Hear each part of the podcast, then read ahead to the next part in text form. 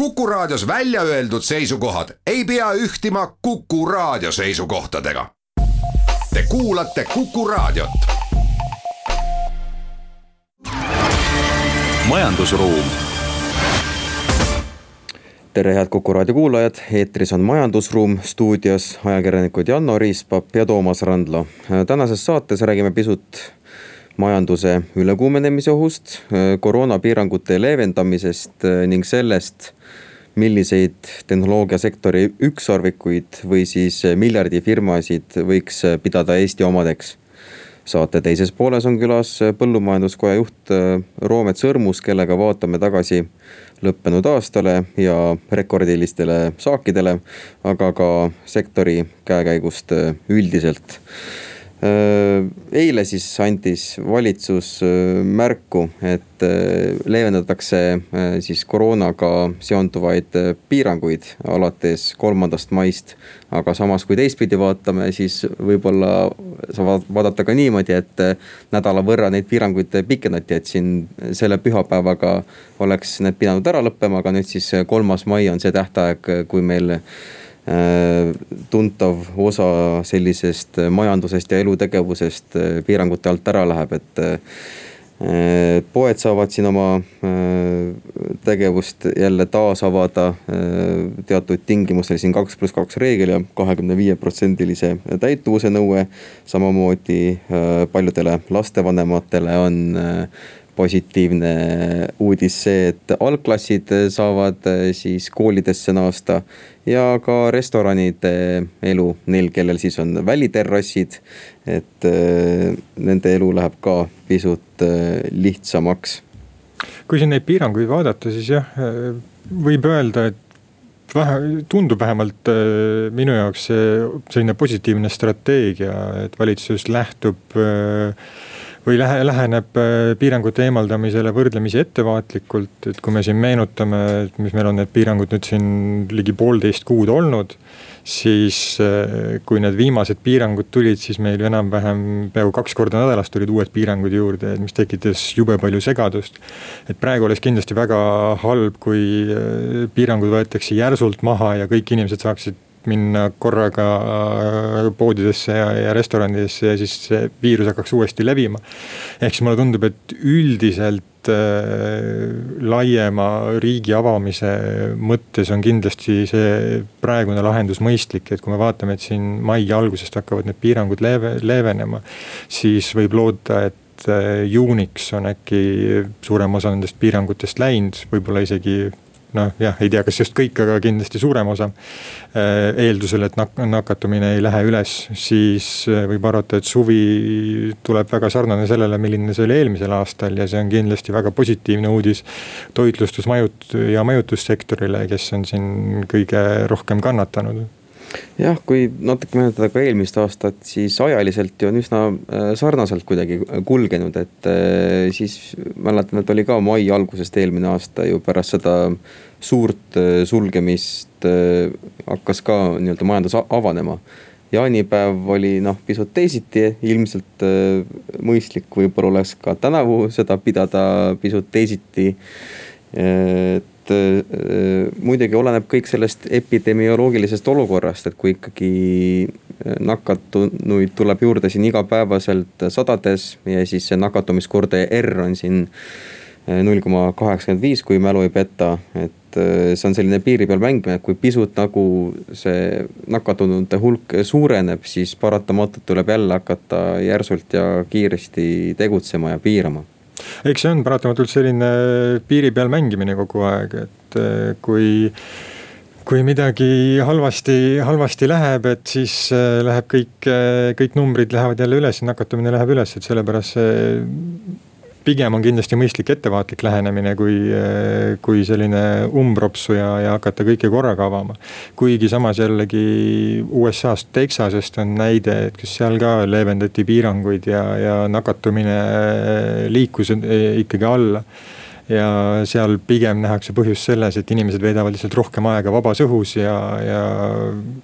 vabas õhus lihtsalt või õues see viirus ei levi nii kergelt, et sellepärast siin. meil ju ka, et kui me vaatame toitlustusasutusi, siis alates kolmandast maist võib väliterrassidel söömas käia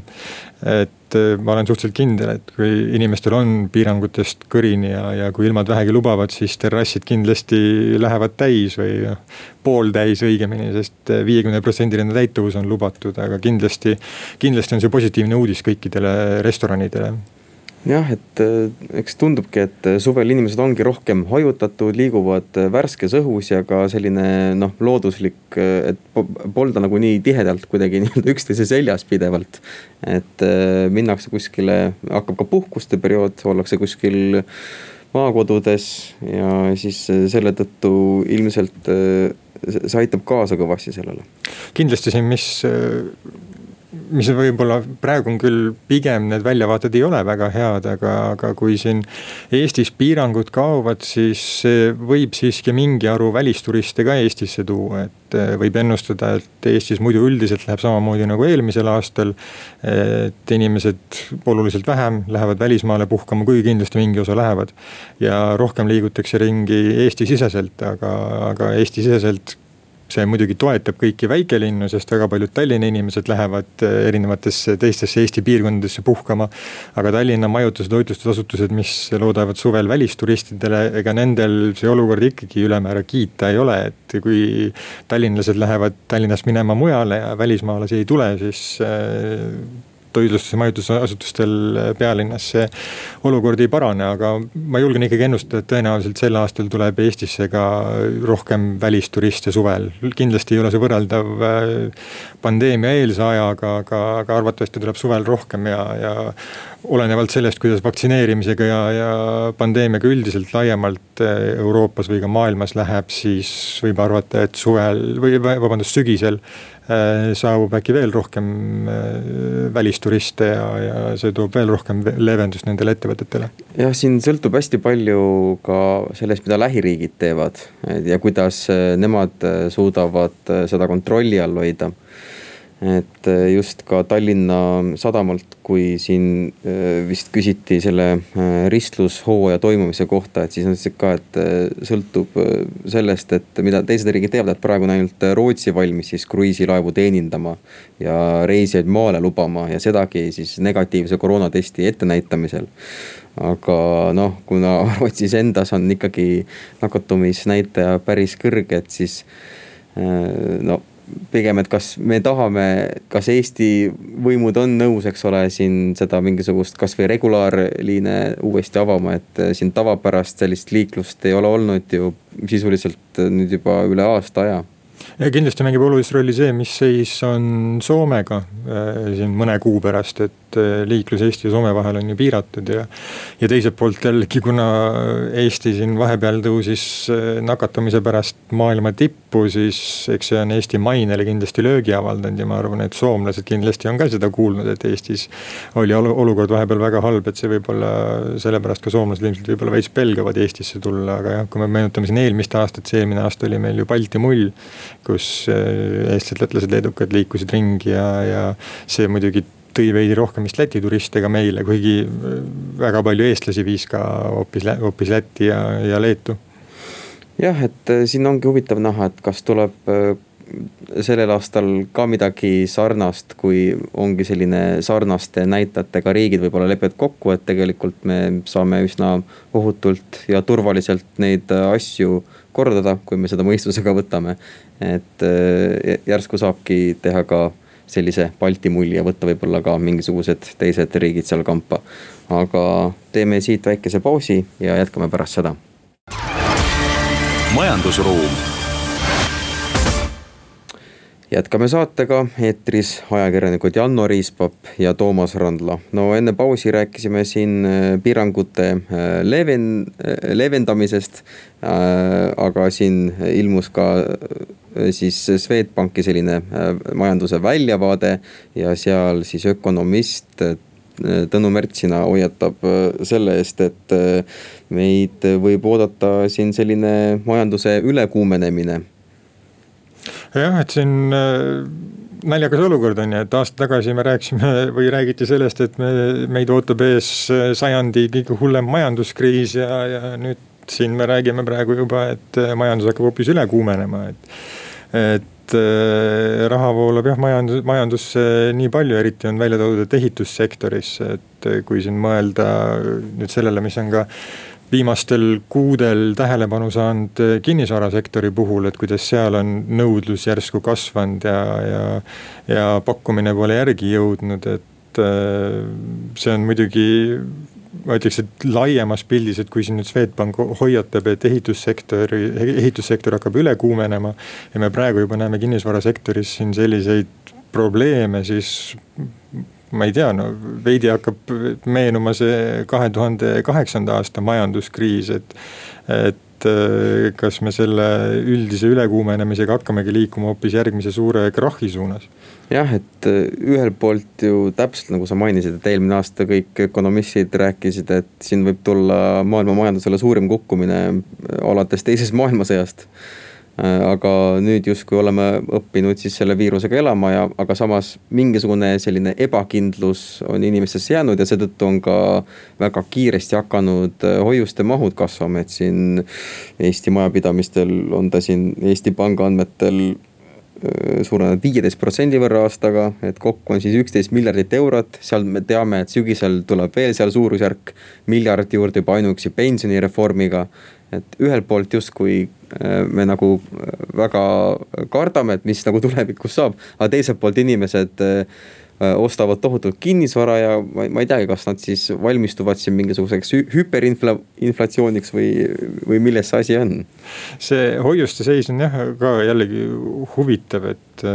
et justkui oleme nagu kriisist noh iseenesest väljumas. ja, ja inimesed väljuvad justkui väga suure hulga rahaga siit kriisist veel, et tavaliselt majanduskriisidel peaks see olukord nagu vastupidi olema, aga ilmselt. eks siin hoiuste puhul peab arvesse võtma ka seda, et äh, need inimesed, kellel need suuremad hoiused on ja kelle arvelt arvatavasti tuleb see suur number kokku. on pigem selline konkreetne osa ühiskonnast, pigem see jõukam osa ühiskonnast, et ma ei julge siin praegu peast ühtegi protsenti, protsenti öelda, aga, aga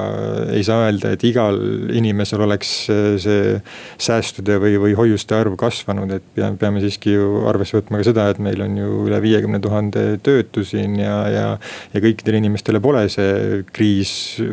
positiivselt just mõjunud. aga, aga üldiselt jah, et muidugi kui see rääkides nendest, nendest hoiustest, siis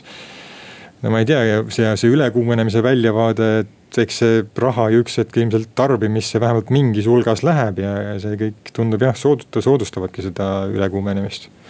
jah, absoluutselt, et see hoiused ilmselt kerkivad ikkagi neil inimestel, kellel on äh, paindlikud võimalused äh, teha kas kaugtööd, äh, siin tehnoloogia ja IT-sektor näiteks, millel on läinud väga hästi, et ja nemad on ka võib-olla need kelle kohta on olnud kuulda, et nemad on ka sellel eluasemeturul väga aktiivselt, et mõni, mõnes arenduses on isegi juttu olnud, et ostavad seal kahe-kolme korteri kaupa, et et võib-olla on siin ka selline idufirmade äh, müügist äh, saanud, äh, saadud raha siis võib-olla pannakse kuidagi edasi kasvama.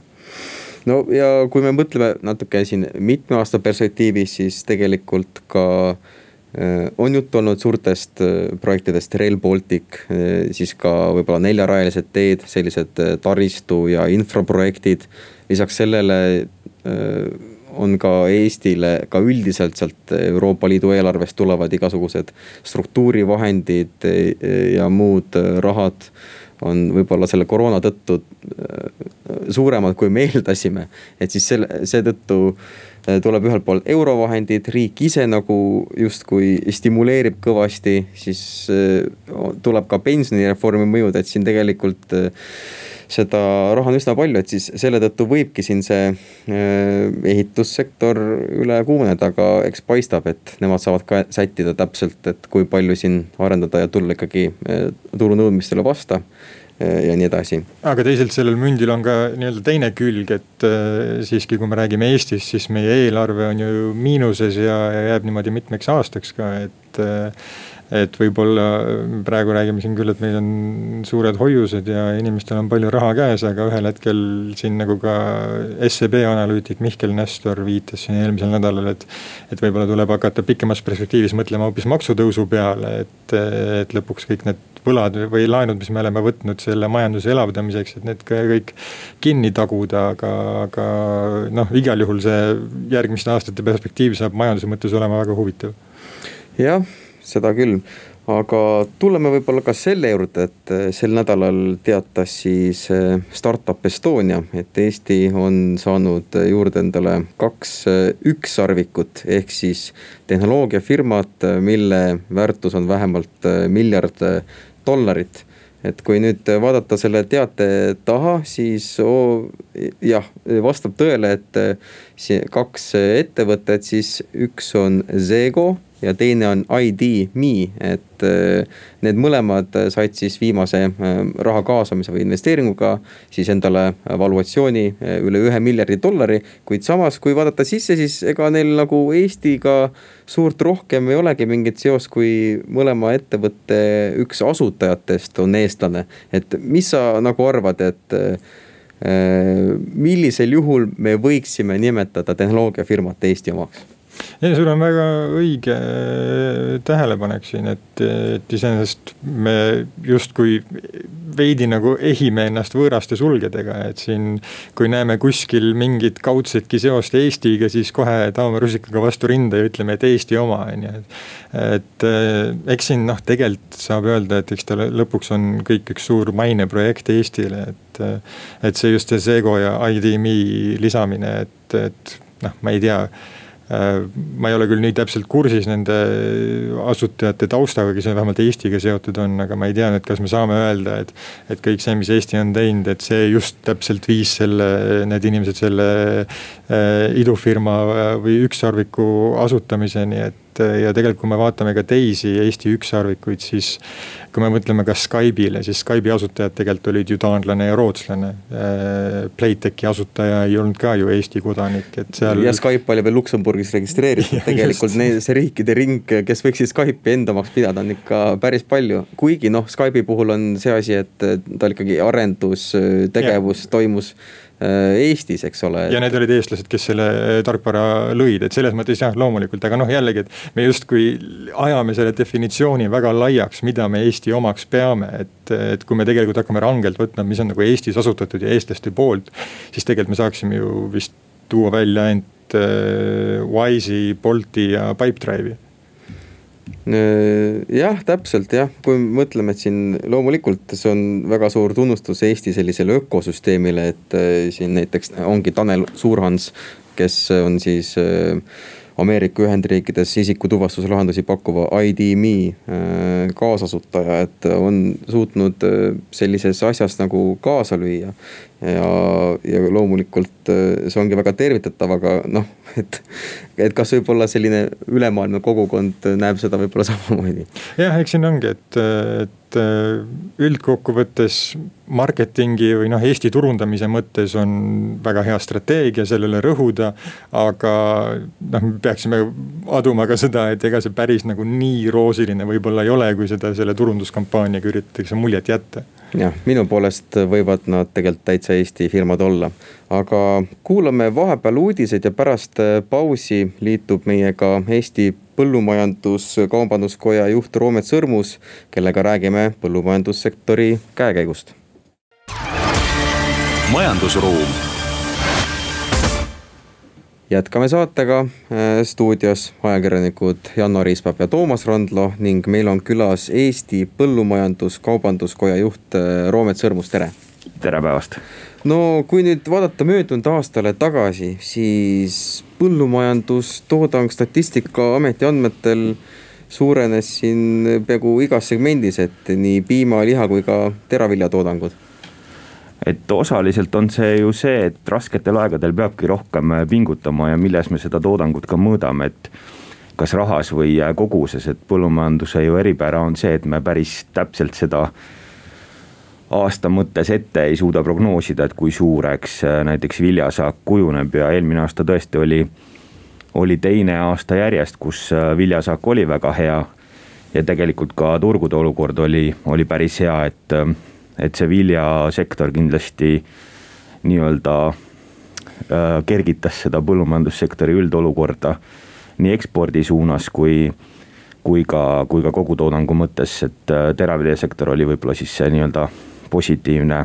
positiivne pool eelmisest aastast mm. -hmm. kas võib öelda, et neil läks isegi väga hästi, et teinekord on kõlama jäänud sellised mõtted, et kui on hea saak, siis on hind madal ja kui on hinnad head, siis seda saaki nagu väga ei ole? Et tõepoolest, et äh, selles mõttes oli jah, natukene ootamatu isegi see olukord, et äh, et lisaks sellele, et oli rekordsaak või noh, ütleme, et ta oli pisut parem kui, äh, kui eelmisel aastal ja läbi aegade siis parim saak ja ka hinnad olid äh, tegelikult sügisest äh, hakkasid tõusma ja olid, olid päris head, et noh, siin muidugi sõltub sellest, et mis hetkel keegi oma vilja müüs, et äh, põllumajanduses on, ütleme, selline börsil kauplemine täiesti tavapärane ja ja viljahindu ju fikseeritakse juba noh, terve aasta ringi, kas juba palju varem, kui saaki pole veel salves, et, et seetõttu see ajastuse moment ka kindlasti mõjutas iga ettevõtte tasandil seda tulemust mm. -hmm. et põllumees peab tänapäeval olema selline äh, kasvataja, samas peab olema ka ta sünoptik ja ka selline börsikaupleja, kui utreerida. Ja et riskijuhtimine ja kogu see nii-öelda aktiivne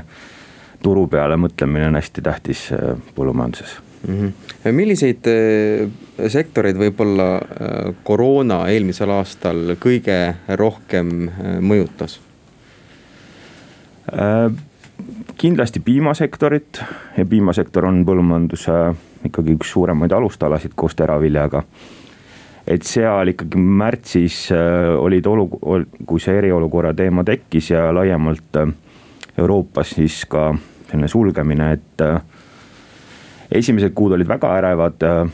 nii-öelda piimatoodete hinnad langesid rahvusvahelistel turgudel päris, päris korralikult ja see tõi ka Eestis päris suure hinnalanguse kaasa, et lõppkokkuvõttes piimasektoris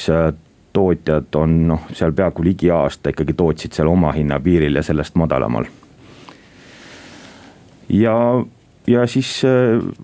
lihasektor siin, siin on nagu erinevad arengud, et, et üldiselt kõiki nagu gruppe mõjutas selline tarbimiskohtade muutus ja tarbimisstruktuuri muutus, et, et mõistetavalt, kui restoranid on on kinni, siis ja näiteks veiseliha tarbitakse eelkõige restoranides, siis, siis see mõjutas kindlasti seda sektorit. sama aianduse, köögivilja ähm, selles segmendis, et. ja noh, kui Eesti tasandile tulla, siis, ähm, siis ka paljud sellised väiketootjad, kes äh, võib-olla toodavad erilisi väärindatud tooteid, ma ei tea, väga erilisi juuste või mingisuguseid äh, erilisi talutooteid, et ka seal kindlasti oli see mõju päris äh, tuntav, sest äh, noh, seal tihtilugu võib-olla ongi üks-kaks restorani see peamine turustuskanal ja kui see,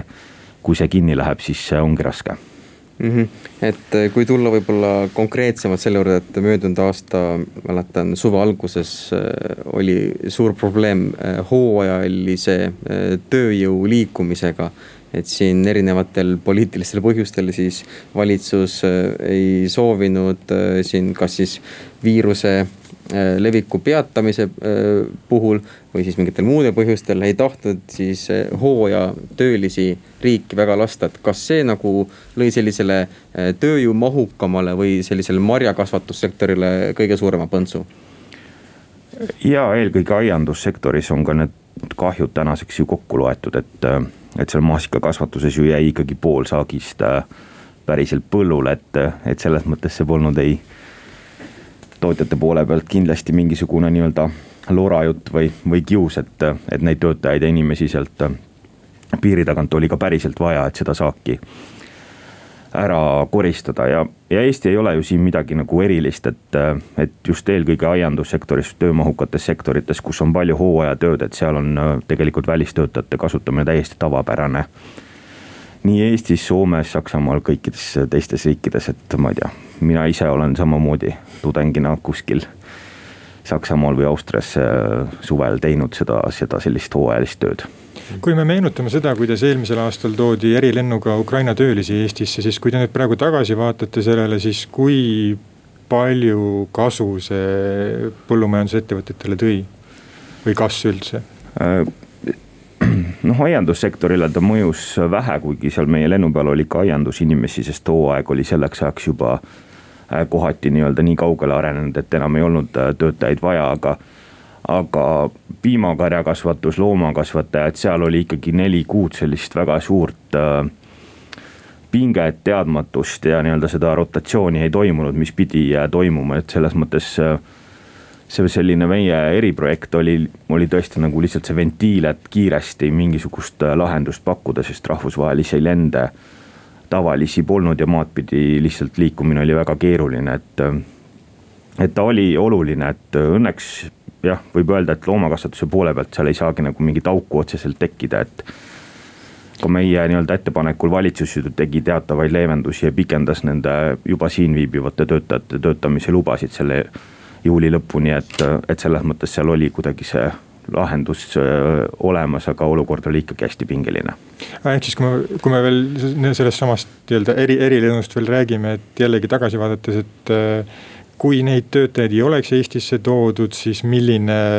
oleks võinud see mõju olla või mis oleks äh, see kahju olnud, mida, mida praegu või, või võiks näha? noh, niimoodi kokku lüüa on seda päris keeruline, et, et see sadakond töötajat ikkagi noh, suurtes piimafarmides ja nii edasi, et see on nagu arvestatav äh, mõju, et.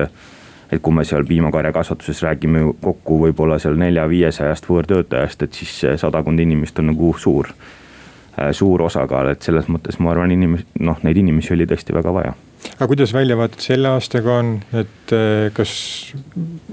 praegu vist piirangute tõttu väga ei saa Ukrainast Eestisse töölisi tuua? et saab ikka, et, okay. et see on ka suur erinevus tegelikult. Äh,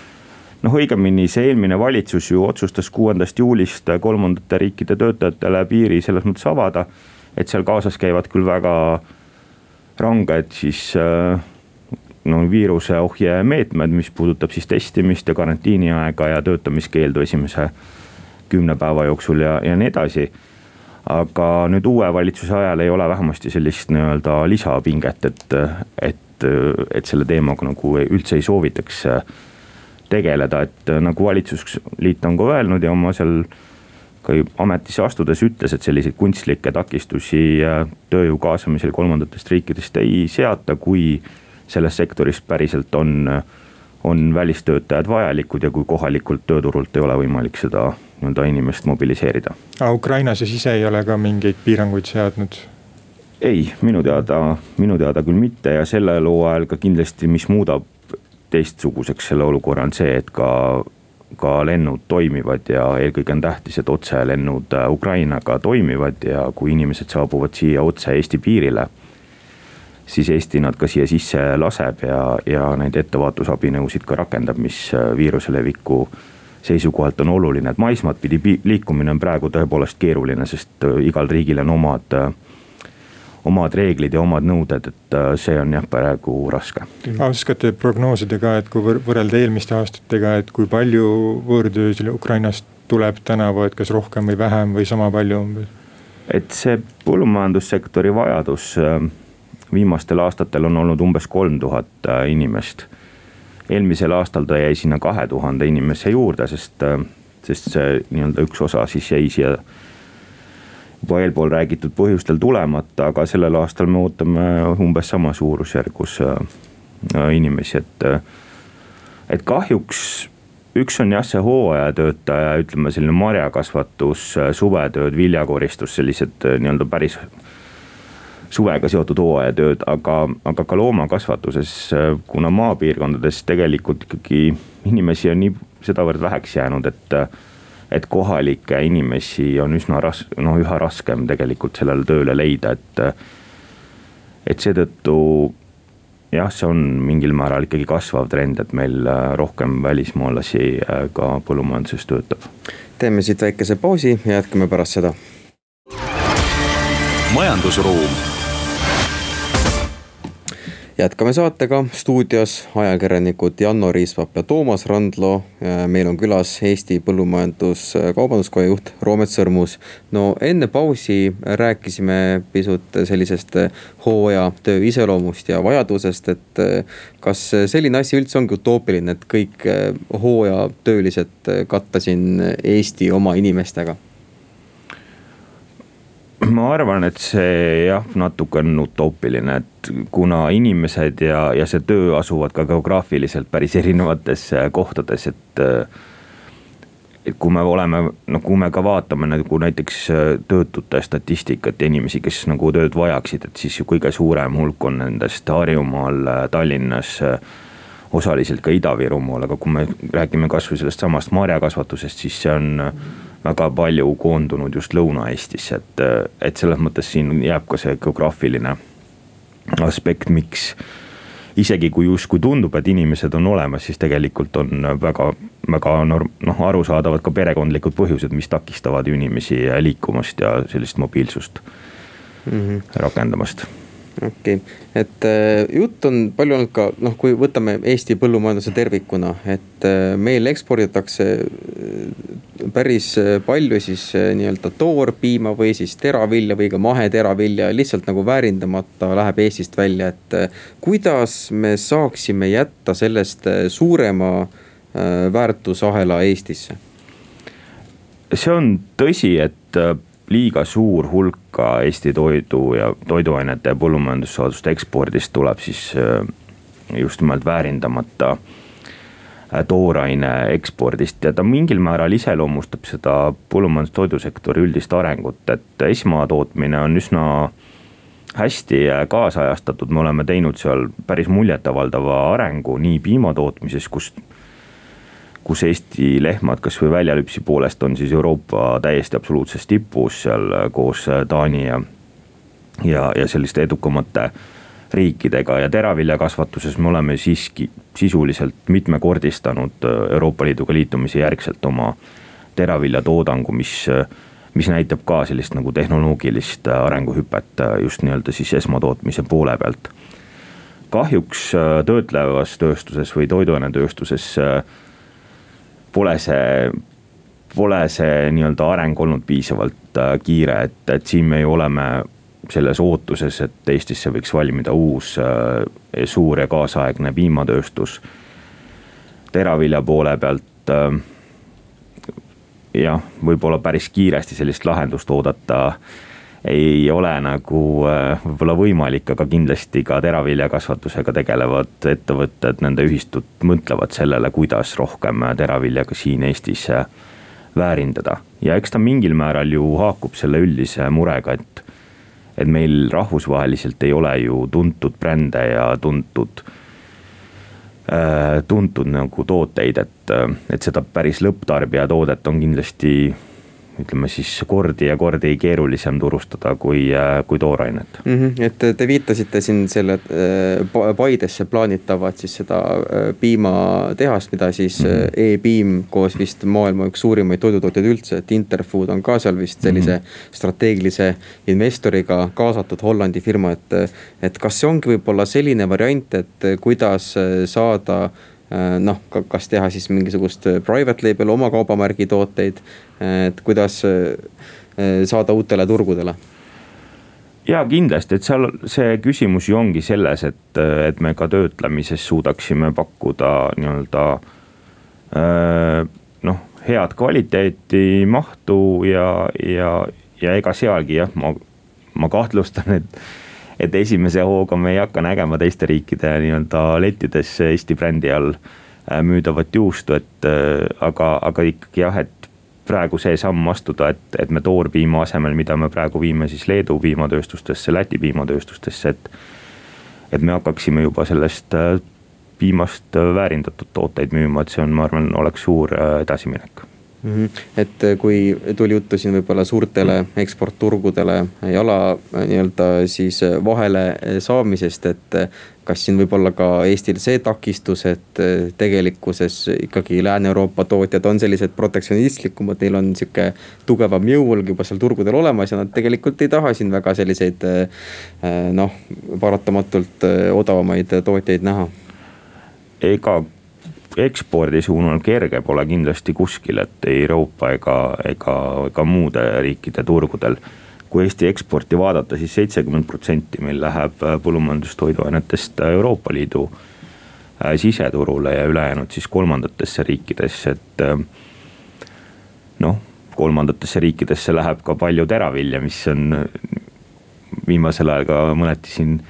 sellist huvitavat kriitikat saanud, et, et kas me kas me peaksime tootma otra Saudide kaamelitele või midagi sellist. aga,